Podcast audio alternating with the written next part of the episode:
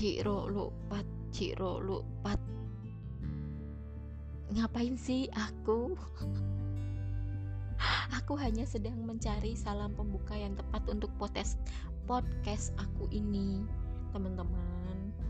Karena beberapa hari yang lalu aku mendapatkan saran dari teman aku yang seorang penyiar. Uh, kalau sebaiknya aku pakai salam pembuka yang konsisten tiap kali aku masuk podcast karena itu bisa jadi identity aku gitu. Jadi sampai sekarang aku masih mencari salam pembuka yang pas tapi belum ketemu. Jadi untuk sementara ini salam pembukanya beda-beda dulu ya. Enggak apa-apa. Karena ini masih dalam proses atau tahap pencarian yang pas. Like jodoh gitu. Baiklah, apa yang akan aku bahas kali ini? Aku akan membahas tentang acara yang kemarin aku datangi. Kemarin itu, kemarin banget, tanggal 26. Apa acaranya? Acaranya adalah si movie. S E A movie. Si movie is Southeast Asian Short Film Festival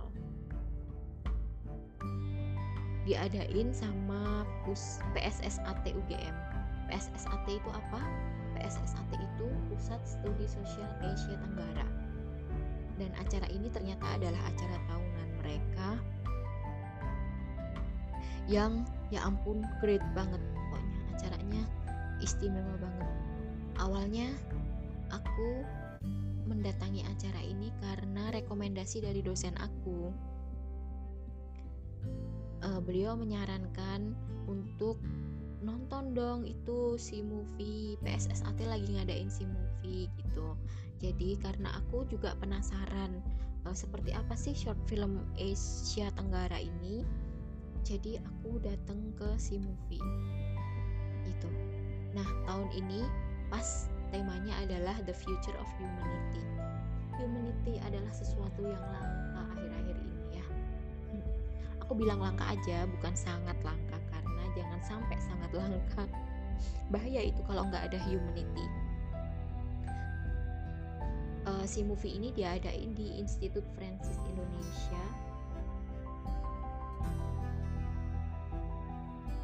Dan uh, di dalamnya itu eh sebenarnya si movie ini diadain tanggal 25 sama 26 tapi kebetulan aku cuma bisa datang yang pas tanggal 26 nya karena yang tanggal 25 itu pas banget sama jad ada tabrakan sama jadwal.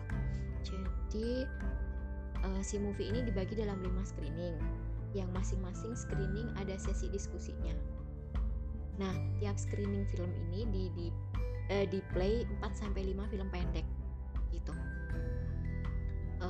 filmnya sih kalau yang waktu aku nonton itu durasinya antara 5 sampai 15 menit.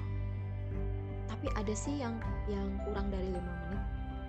Nah, aku pas nontonnya itu di screening 3 karena screening 1 2 4 dan 5 yaitu pas aku berbenturan dengan acara acara-acara aku gitu jadi nggak bisa datang nggak bisa ngeliat sebenarnya pengen lihat semua sih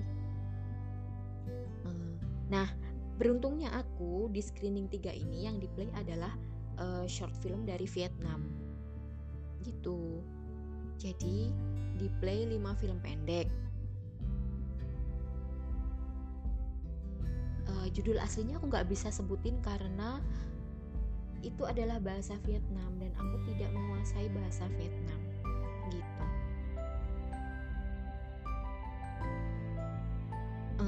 judul-judulnya apa aja sih? Jadi waktu aku nonton itu ada Dearly ada Cold Fish Surrounded The Mute sama First Taste. Dan bagus-bagus banget filmnya ya Tuhan. Walaupun film pendek tapi aku menikmati banget nontonnya. Kadang sih nebak-nebak ini maksudnya gimana? Ini kok kayak gitu sih itu maksudnya gimana gitu. Nah pertanyaan-pertanyaan itu sebenarnya bisa ditanyain waktu diskus tapi sayangnya aku cuma datang separuh diskus jadi nggak sempet nanya. Nah uh, sekarang aku mau mencoba menyampaikan talk aku about film-film ini lima film Vietnam jadi yang pertama itu adalah Dirli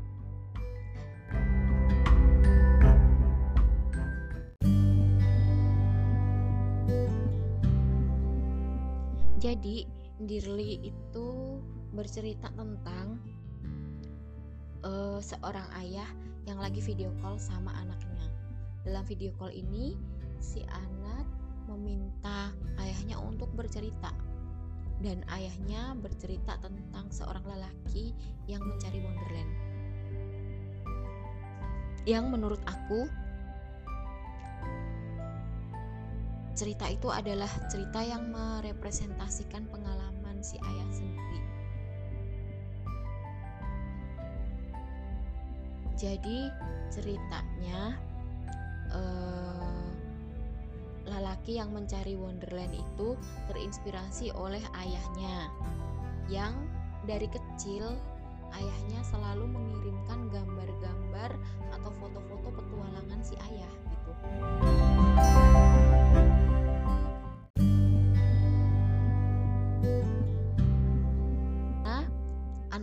berusaha mencari role model.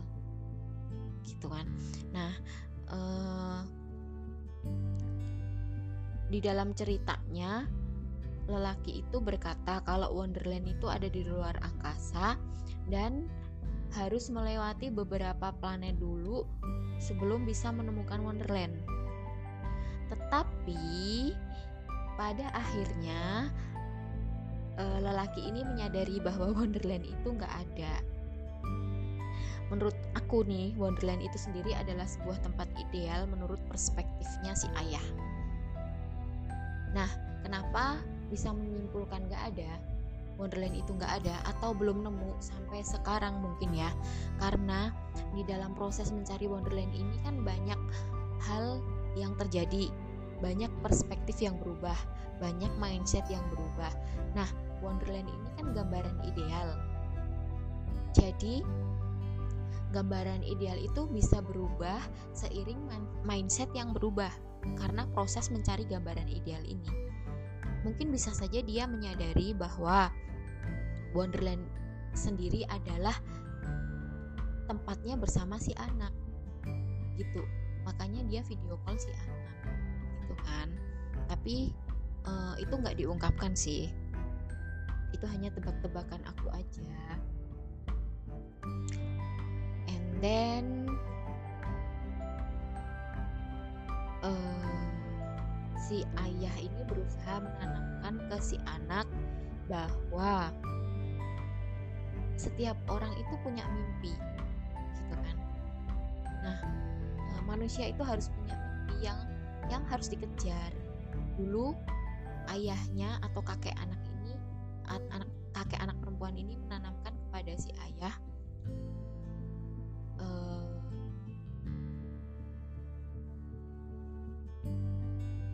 menanamkan mimpinya pada si ayah. Jadi dia mengikuti mimpi si kakek itu kan. Dan uh, si ayah juga berusaha menanamkan mimpinya sendiri ke anaknya. Itu kalau menurutku. Kemudian ada cerita tentang planet pertama sampai keempat yang harus dilewati untuk mencari Wonderland itu kan. Itu menggambarkan situasi sosial yang terjadi ketika si lelaki itu dalam proses mencari Wonderland. Gitu. Kalau menurut aku sih. Terus uh, film yang kedua yang Cold Fish. Judulnya Cold Fish. Nah film ini cerita tentang uh, manusia-manusia yang kurang bisa menerima dirinya sendiri gitu yang di dalam film ini digambarin pakai seekor ikan ikan koi. Eh ikan koi apa ikan mas ya itu ya? Gitu. E, mulai dari setting. Settingnya itu di dalam sebuah apartemen. Apa kos kosan ya? Tapi ceweknya bilang apartemen sih. Uh, yang dihuni beberapa orang gitu. Nah, mereka itu masing-masing punya problem mereka sendiri-sendiri. Ya, emang manusia cenderung punya penerimaan diri yang berbeda ya. Dicontohin di film ini uh, bahwa mbak-mbak yang pertama yang kayaknya hidupnya perfect, dia kerja kantoran, terus badannya ideal kayak model Victoria's Secret kayak gitu yang badan itu badan yang selalu aku idam-idamkan gitu tetapi ternyata mbak itu nggak bisa menerima dirinya. Kelihatan dari mana? Sis on diet bro. Really? Because uh, aku melihat makanannya adalah daun-daunan di film itu. Terus ya berkali-kali nimbang. Mungkin karena takut beratnya nambah kali ya.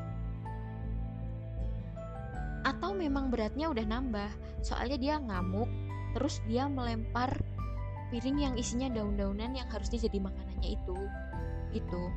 Terus kelihatan kalau uh, di situ kelihatan kalau mbak itu nggak bisa menerima bentuk perutnya yang agak buncit menurut dia menurut dia. Tapi ya kalau buat aku sih itu nggak buncit karena anda harus melihat perutku. Baiklah lalu ada mas-mas yang agak tanggung yang berlawanan sama mbak-mbak yang badannya kayak model Victoria's Secret tadi. Di film ini dilihatin kalau mas-mas itu suka makan berbalikan sama mbak-mbak yang tadi. Karena ada adegan yang mas-mas ini bawa cemilan sepiring numpuk gitu tinggi dibawa masuk ke kamar dan dia makan sendiri. Kok terus ya di kamar ini ternyata si mas-mas si mas-mas pakai baju cewek lalu nari-nari di depan cermin. Ya maybe itu tarian khas Vietnam or something like that. I don't know. Uh, dan mas-mas itu tampak enjoy menikmati saat-saat dia menari seriously aku juga amazing waktu itu sama acting dari aktornya. Bener-bener bisa menjiwai waktu dia menari. Um, tapi ketika mas-masnya itu keluar kamar dia kembali jadi mas-mas berjas yang melakukan daily activity. Gitu. Dia kembali menjadi hal yang umum di masyarakat.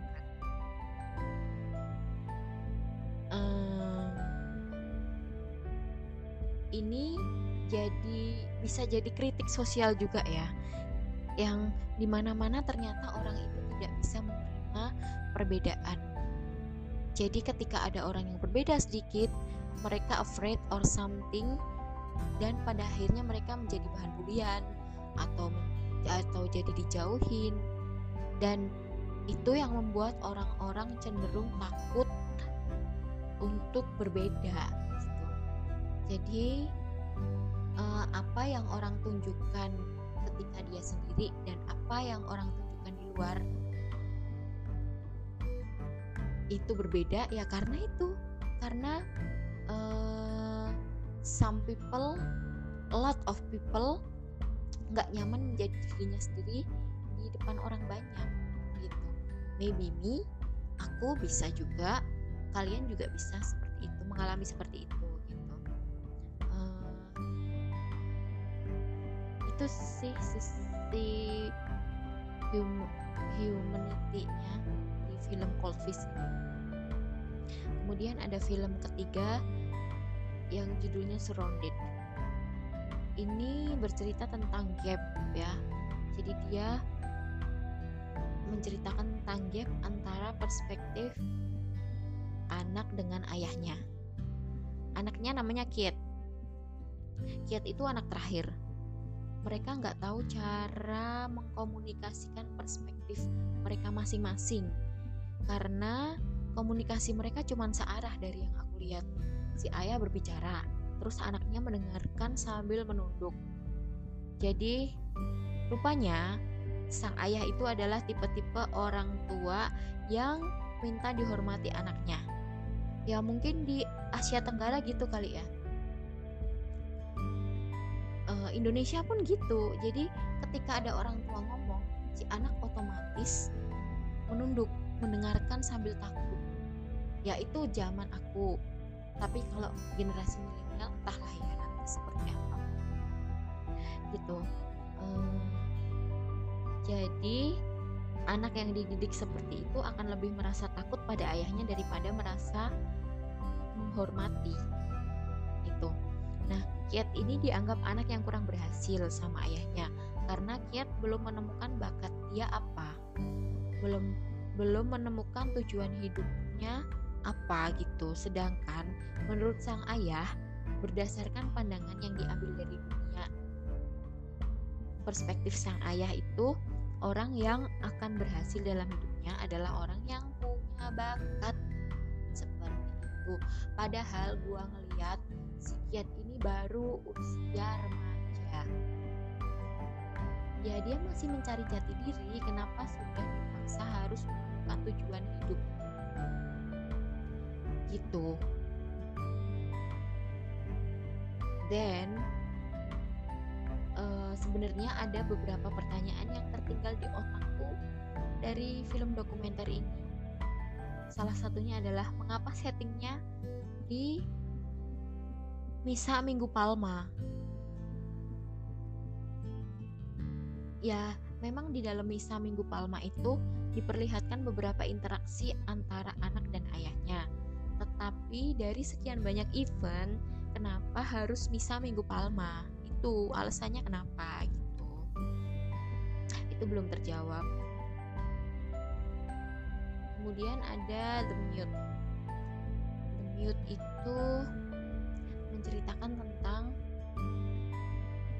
seorang perempuan yang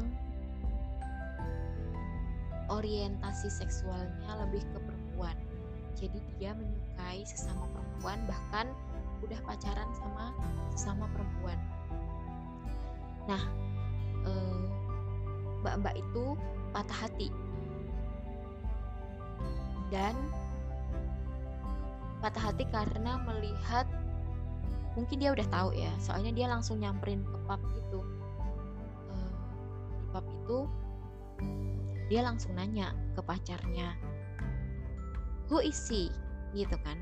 Jadi siapa perempuan itu? Dan pacarnya langsung to the point sekarang aku sama yang lain jadi tolong kamu lanjutkan hidupmu. Gitu kan. Terus si mbak-mbak ini patah hati. Dan pada akhirnya dia memutuskan untuk menormalkan diri gitu. Uh, aku melihat ada gejolak batin ketika mbak-mbak ini melakukan hubungan dengan seorang lelaki. Ya nge-seks gitulah dia kan nge-seks sama cowok kan. Terus waktu habis nge-seks itu e, ceritanya dia pegang kalung salibnya terus kayak di situ tuh terjadi pergolakan batinnya. E, mungkin itu saat decision makingnya gitu. Dia memutuskan untuk ya udahlah gue jadi normal aja gitu. Toh gue juga udah ngesek sama nih orang. Mungkin seperti itu ya. Uh, pada akhirnya lalu mbak itu menikah dengan mas-mas yang bersama dia malam itu gitu menjadi normal di masyarakat memutuskan untuk menjadi normal di masyarakat. Ya mungkin karena si mbak itu dari awal udah merasa berbeda ya karena dia nggak bisa berbicara. Ditambah lagi sama orientasi seksualnya yang asing di masyarakat gitu. Mungkin uh, di Asia Tenggara itu lesbi belum diterima. Jadi ketika ia memutuskan buat jadi normal uh, dalam dalam hal sexual orientation ya dia merasa satu perbedaan itu udah luruh itu bebannya itu berkurang. Kenapa aku bilang beban? Karena ya itu lagi-lagi balik ke masyarakat yang nggak bisa menerima perbedaan gitu nggak bisa menerima orang yang berbeda dari mereka gitu. Dia merasa kalau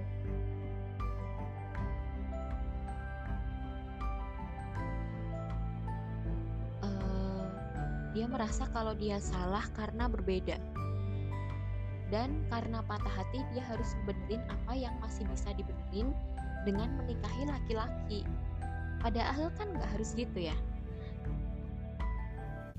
E, hal itu menunjukkan dari waktu mbak-mbak itu keluar ke klub itu dia harus diem-diem tanpa sepengetahuan ayah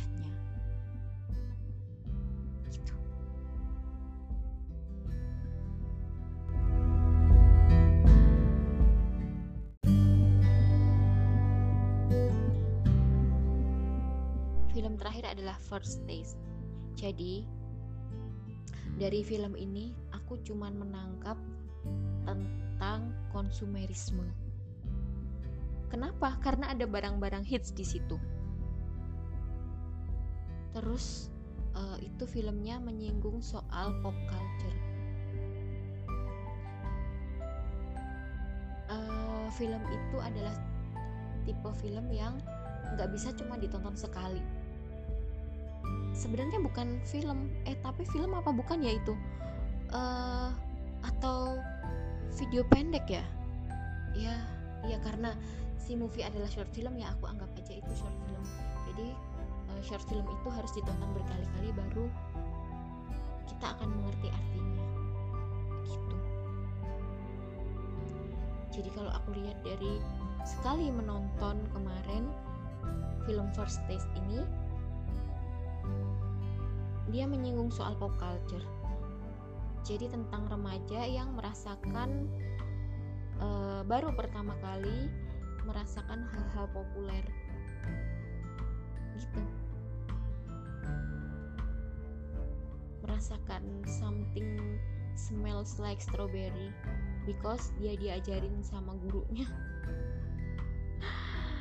Aduh, ya Tuhan, maafkan aku tidak tidak terlalu bisa menangkap makna dalam film.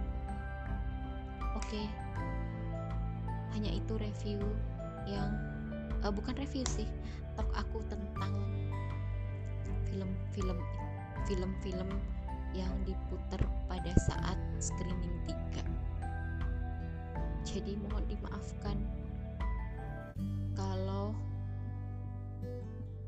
kata-kataku membingungkan dan kalimat yang aku susun itu carut marut. Ya udah kalau gitu. Selamat beraktivitas dan terima kasih sudah mendengarkan